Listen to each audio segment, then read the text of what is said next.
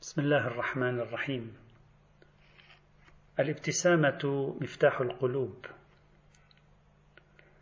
الابتسامة تفتح القلوب على بعضها وتذلل العقبات وتقرب الناس من بعضها.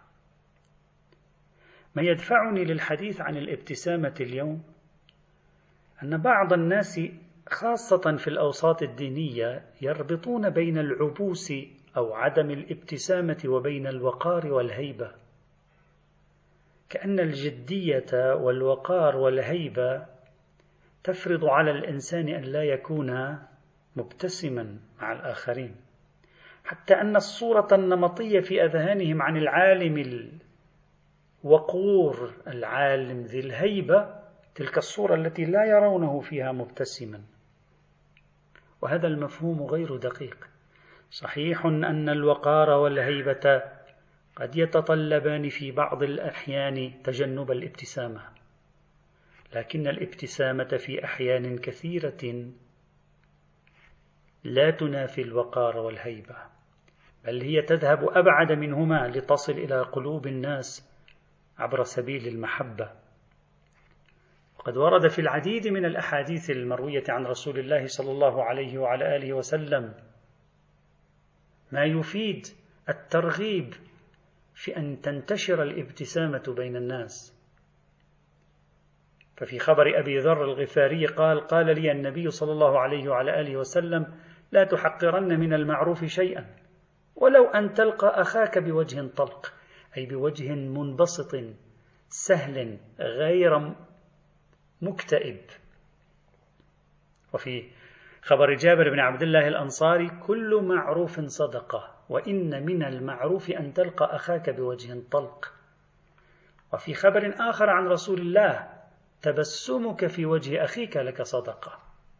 فالصدقة ليست مجرد أن تدفع المال بل في كل تصرف فيه عطاء للآخرين هو صدقة والابتسامة تعطي الآخرين الطمأنينة تعطي السكينة تعطي المحبة تعطي التواصل فهي صدقة إذن. تأثير الصدقة على الآخرين عجيب غريب وحيث إن الابتسامة من الصدقة فتأثير الابتسامة غريب أيضا وقوي. خاصة الدعاة إلى الله سبحانه وتعالى خاصة المبلغين لدين الله خاصة المشتغلين بالشأن الديني. في تقدير اليوم بالخصوص هناك ضرورة عالية لانتشار الابتسامة بوظيفتها وسيلة تواصل بينهم وبين الناس وسيلة تكسر التفاوت الطبقي الموجود في بعض الأحيان القليلة وتربط أيضا الناس بهم.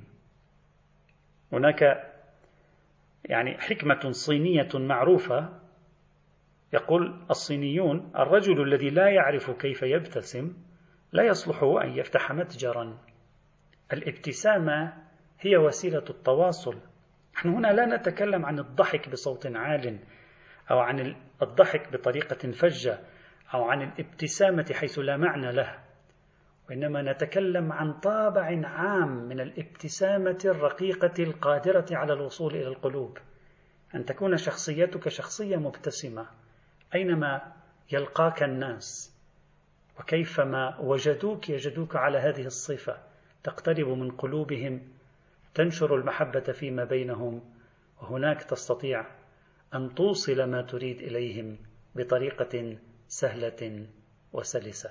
تغيير ثقافاتنا وعاداتنا والصور النمطية التي نحمل هو أمر في غاية الضرورة. والحمد لله رب العالمين.